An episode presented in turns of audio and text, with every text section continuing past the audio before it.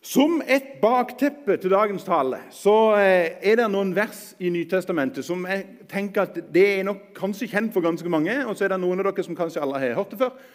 Men som skal være litt sånn bakteppe, og vi skal komme tilbake igjen til det. Men, men eh, det, dette er noe av det siste Jesus sier. Det er dette her. Da trådte Jesus fram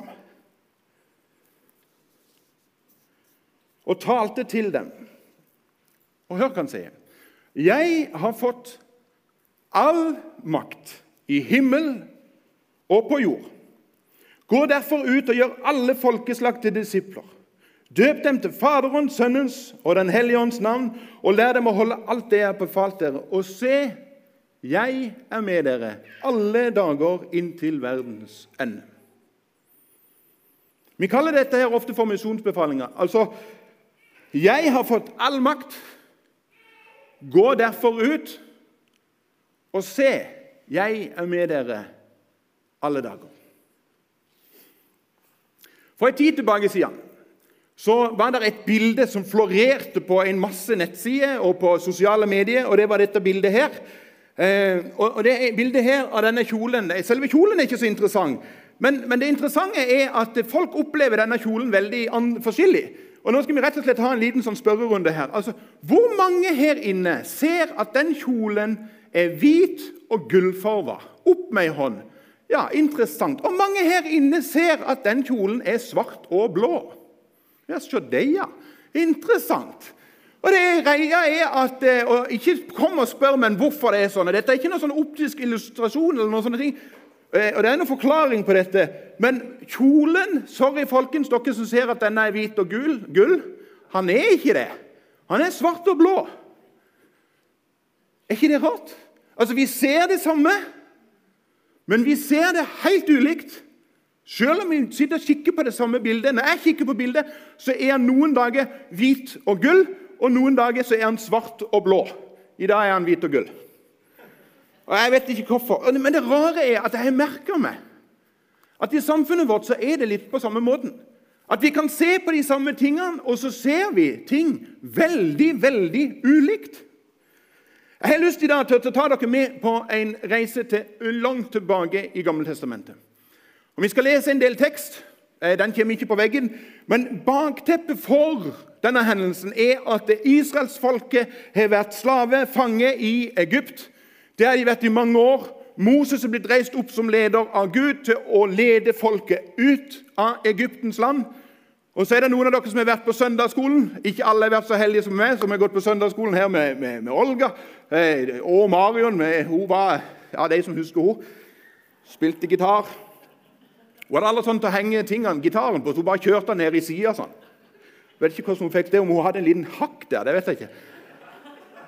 Men vi lærte disse bibelhistoriene. Vi lærte om Moses som tok med seg israelsfolket ut av Egypt etter ti landeplager. og Så traver de gjennom Sivsjøen, et under i seg sjøl. Og så kommer de og nærmer seg dette som Gud er lovt i, altså løfteslandet. Og Da skjer det noe helt spesielt. og det er at Gud sier til Moses Moses, nå må du finne tolv ledere. Én leder fra hver stamme. De var tolv stammer. Finn én leder fra hver stamme og si til dem at de skal reise inn i de løfteslandet og speide det ut. Sjekke forholdene.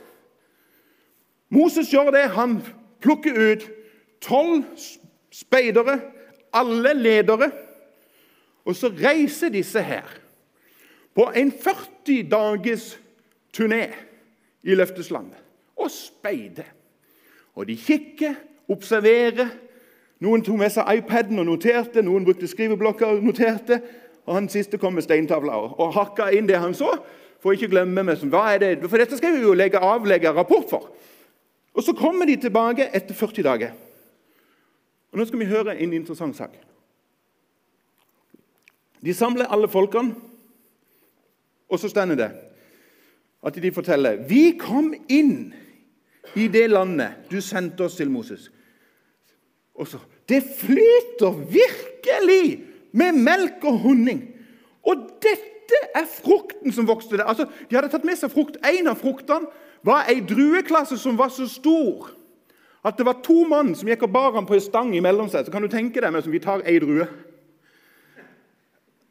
Dette er frukten som var der. Og så er det jo bare det at når, Ofte når folk kommer med masse sånn 'Å, det er så bra', det, så, så kommer det og sier 'Men' Men folkene som bor i landet, er sterkt. Og byene er befestet og svært store. Der så vi også anakitter. I Negevlandet bor det amalakitter. I fjellet bor det hetitter, jebusitter, amoritter. Det har jeg pugga å si, de tingene der. Og ved havet og langs Jordan bor kananeerne. Og så stender det videre litt lenger nede. Vi kan ikke gå til angrep på dette folket, for de er sterkere enn vi. Og Så begynner disse her å sette ut rykte blant israelittene om at landet de hadde utforska.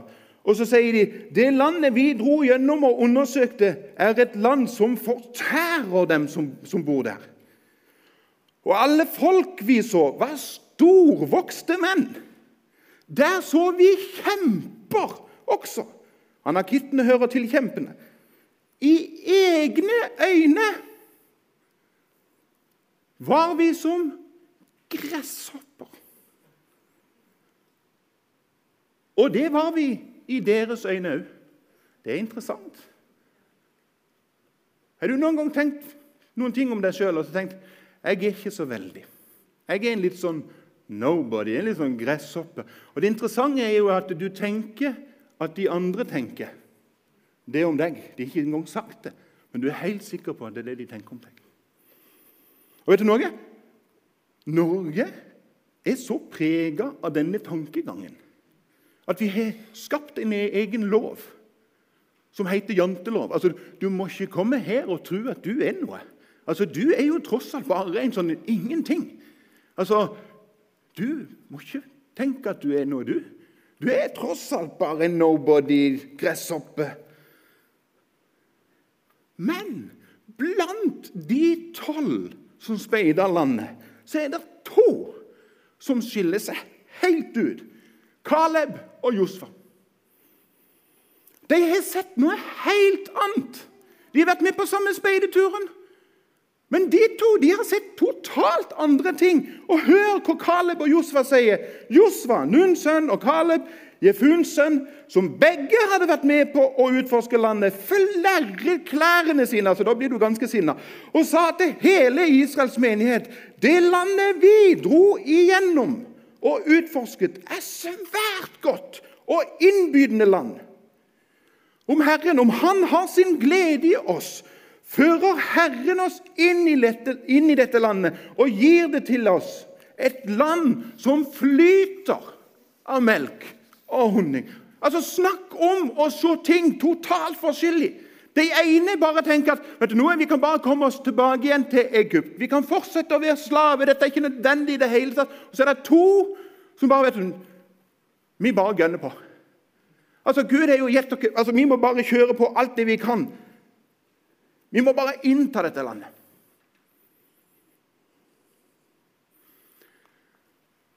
Og Det er nå jeg skal gjøre et himlende hopp. For Nå skal vi gå til Nytestamentet. Til en bibeltekst som er noe helt annet enn det vi egentlig har stått og pratet om. Nå håper jeg dere klarer å huske hva vi prater om, og hva vi skal inn i, og så skal vi prøve å sy dette sammen. Kjære Gud, hjelp meg å lande dette godt. For En gang så forteller Jesus en lignelse eh, som jeg kan huske veldig godt fra søndagsskolen. Den syntes jeg var utrolig spennende når denne kom. og de hadde sånn, jeg må ta sats for det er så vanskelig ord, flanellograf. Det er en kunst å kunne bruke det, og en enda større kunst å kunne si det. Og Du har muligens hørt om denne lignelsen. Det er Jesus som forteller den. Og Lignelsen Jesus forteller, gjenger sånn som dette. En mann var på vei fra Jerusalem og ned til Jeriko. Da falt han i hendene på røvere. De rev klærne av ham, skamslo ham og, skamslo ham og lot ham ligge der halvdød. Nå traff det seg slik at en prest kom samme veien. Han så ham, han gikk utenom og forbi. Det samme gjorde en levitt. Han kom, så mannen og gikk rett forbi. Men en samaritan, altså en type som folk normalt sett ikke likte. En samaritan som var på reise, kom også dit hvor han lå. Og Da han fikk se ham, fikk han inderlig medfølelse med ham. Han gikk bort til ham, helte olje og vin på sårene hans, forbandt dem, så løftet han mannen opp på eselet sitt og tok ham med til et herberge og pleiet ham. Neste morgen tok han fram to denarer og ga den til verten og sa, 'Sørg godt for ham.' Og må du legge ut mer, skal jeg betale deg når jeg kommer tilbake. Jeg husker når jeg hørte denne her på søndagsskolen.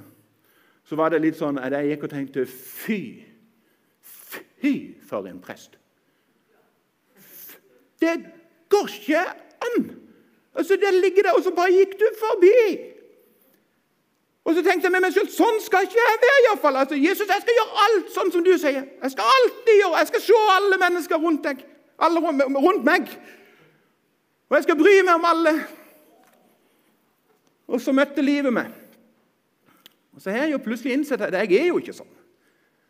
Jeg er ikke noen sånn voldsom barmhjertig samaritan. For å være helt ærlig, jeg kan bli ergans irritert. Til og med når noen sniker i kassa på Kiwi. Altså, Der er du med. Altså, jeg, jeg, klarer ikke alltid å være dette her som du på en måte mener det skal være. Og Da er det lett å ha en sånn stemme som sier inni seg Tore, du er veldig dårlig. Du er litt sånn gresshoppe, du. Du er ikke noe veldig til samaritan. Du er ikke så god. Og du som er som skal være pastor og kristen Hvem er vel du? Når jeg kom tilbake til Jesus som voksen, etter å ha rota meg rundt i mange rare ting, så kom jeg tilbake igjen til denne lignelsen her. Og Jeg måtte nødt til å ha en lite sånn oppgjør med Jesus, for jeg, jeg sleit med denne lignelsen. Jeg syntes den var vanskelig. Og Jeg sa til Jesus, kjære min tid, du må forklare meg dette. For, for, for hvem er jeg egentlig? Er jeg egentlig en prest eller en levitt som bare går forbi? For som barmhjerte samaritanen er jeg jo i hvert fall ikke, for det ser jeg jo. Hvem er jeg i dette? Og Da var det som om Jesus talte inn i mitt indre og forvandla noen ting. Og så var det som Jesus sa til meg, Tore, du er verken presten eller levitten. Du, Tore, du er den som ligger utslått. Du er den som trenger legedom.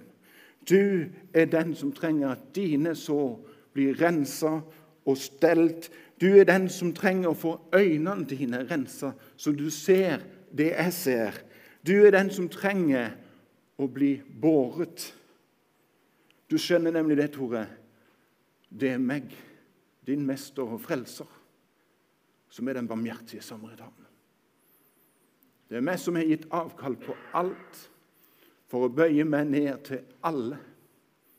For å løfte hver eneste en. Til å ikke lenger være utslått, men til å være oppreist. Jeg er den som er utslått. Og så er det akkurat det Jesus gjør. Han bærer meg. Ikke bare bærer han meg, men han bærer oss alle i hop. Han har bøyd seg til oss. Han kjenner oss bak vår fasade. Alle er vi mer enn det vi ser. Når du ser rundt deg, så ser du noe, men alle er vi mer enn det hver enkelt av oss ser. Men Jesus er bak den fasaden. Han ser dine sår. Han ser mine nederlag. Han ser min sorg og min smerte. Og så inviterer han seg til å løfte oss opp og stelle oss. Reise oss opp ifra nederlag og smerte. Og han gjenger djupere enn vårt djupeste mørke. De fleste av oss på et eller annet tidspunkt i livet møter et sånt mørke, der det blir kølsvart. Men det er ikke kålsvart for Jesus.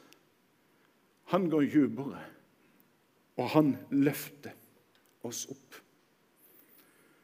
Nå kan det være at noen av dere sitter og tenker hva i all verden har disse to tekstene her med hverandre å gjøre? Jeg håper ikke jeg brukte denne her til å tørke nesa i stad. iallfall. Det ville vært litt dumt.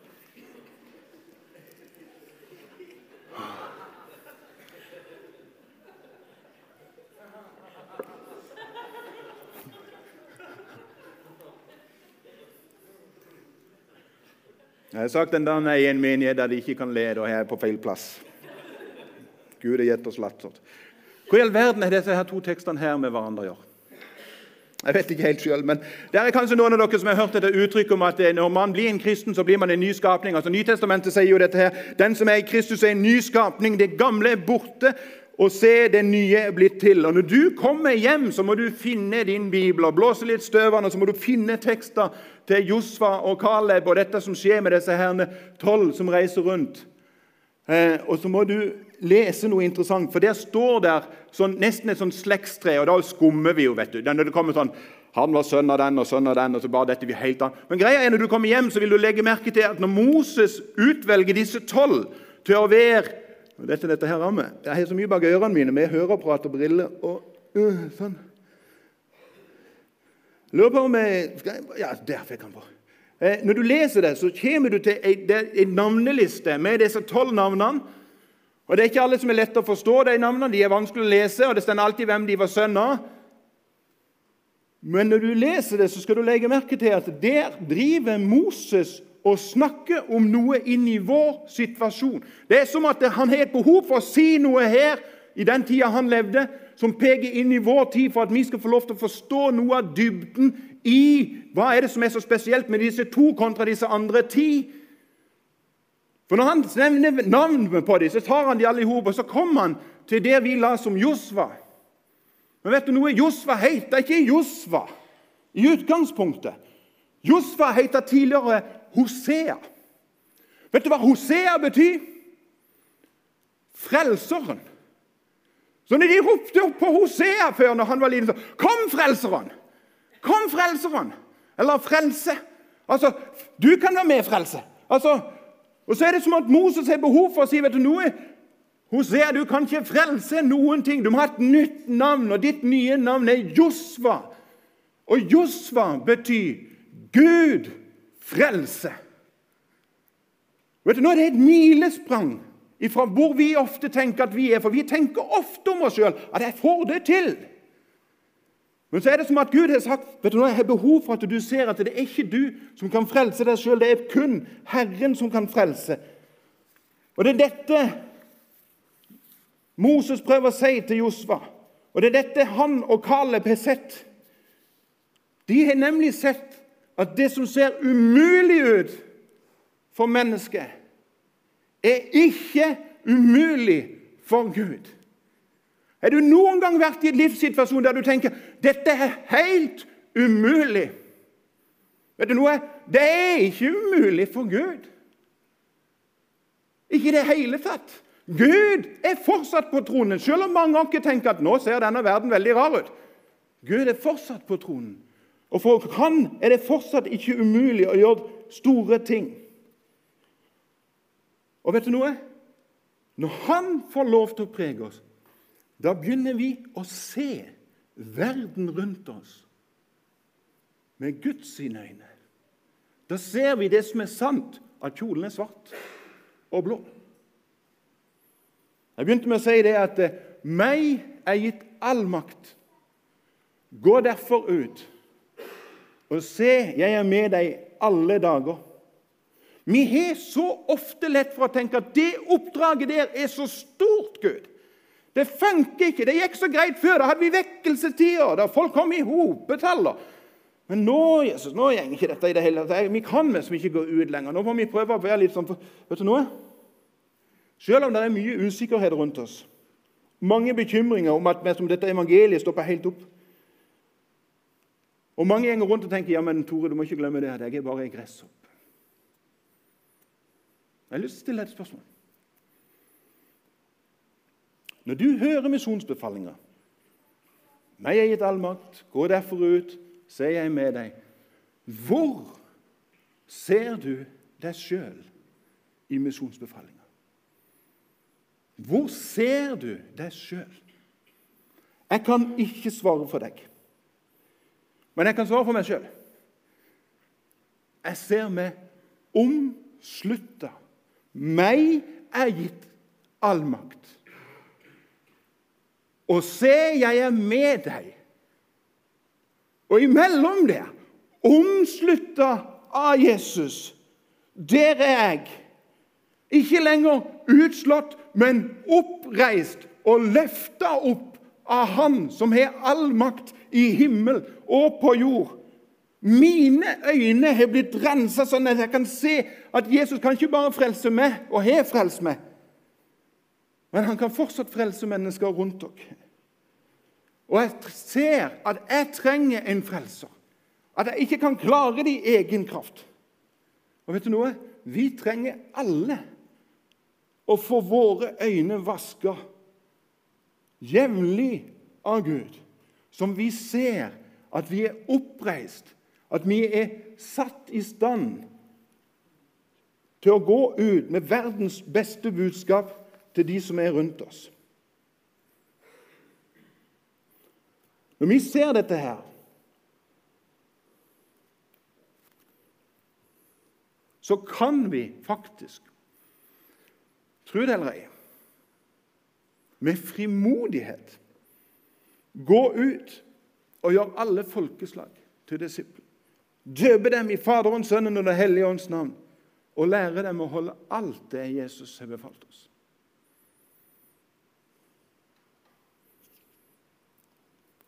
I forberedelsen til denne talen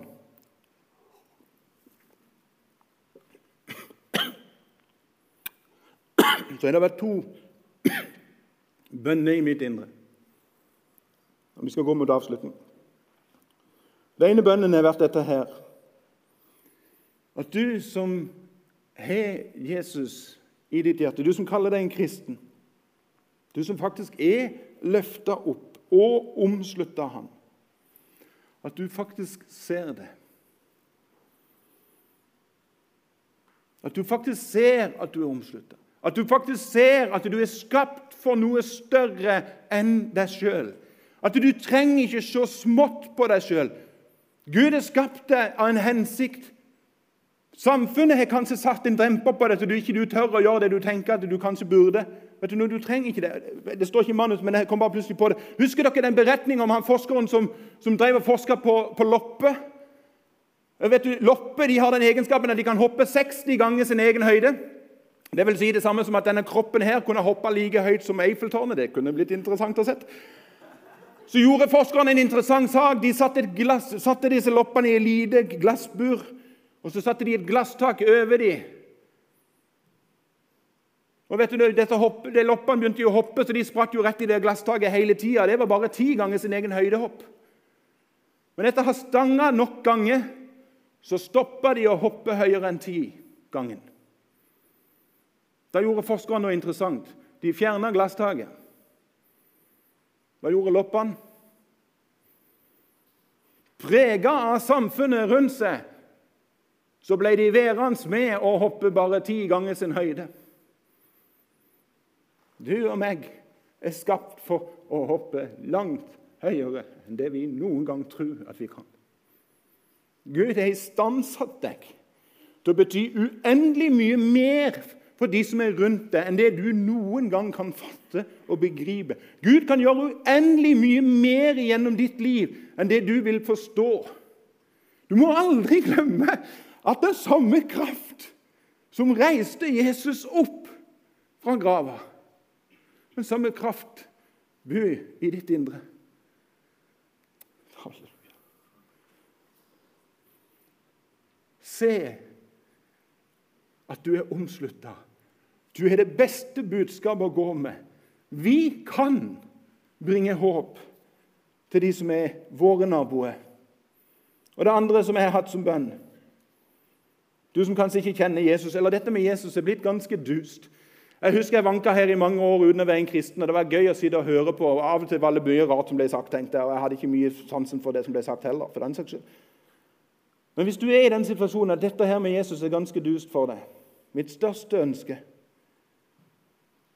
er at du skal få erfare av hele ditt hjerte at det er én som ønsker å løfte deg opp, som bryr seg om deg, som kjenner din smerte, som kjenner din fortvilelse, som kjenner din sorg, og som kan møte deg akkurat der du er i dag. Han kan møte deg akkurat der du er i dag. Og han kan gjøre en forvandling i ditt liv. Av og til skjer det sånn, av og til skjer det med en sånn stille soloppgang. Hjemme i Porsgrunn så har jeg fått lov til å vandre sammen med ei dame. Hun er mange og 90 år. Og så har Jesus gjort en sånn stille forandring i hos sitt liv. Fra å gå til å ha syntes at det er veldig skummelt å komme innom, til å begynne å si at å, det, godt, det er så godt å vite at jeg en dag skal treffe mannen min hjemme i himmelen. Og Her forleden så kom hun bort til meg og så sier hun, Tore, nå kan jeg virkelig si at det er godt å vite at Jesus alltid går ved min side. Forvandla i en alder av mange og 90 år. Jesus kan møte deg der du er akkurat i dag. Han kan stelle sårene dine. Og alle vi her inne tror jeg trenger å bli minnes om dette her verset her, som Jesus har sagt. For mennesket er det umulig, men ikke for Gud. Alt, folkens, alt. Hva vil det si? Er det nesten alt? En god del? Alt er mulig for Gud. Alt er mulig for Gud.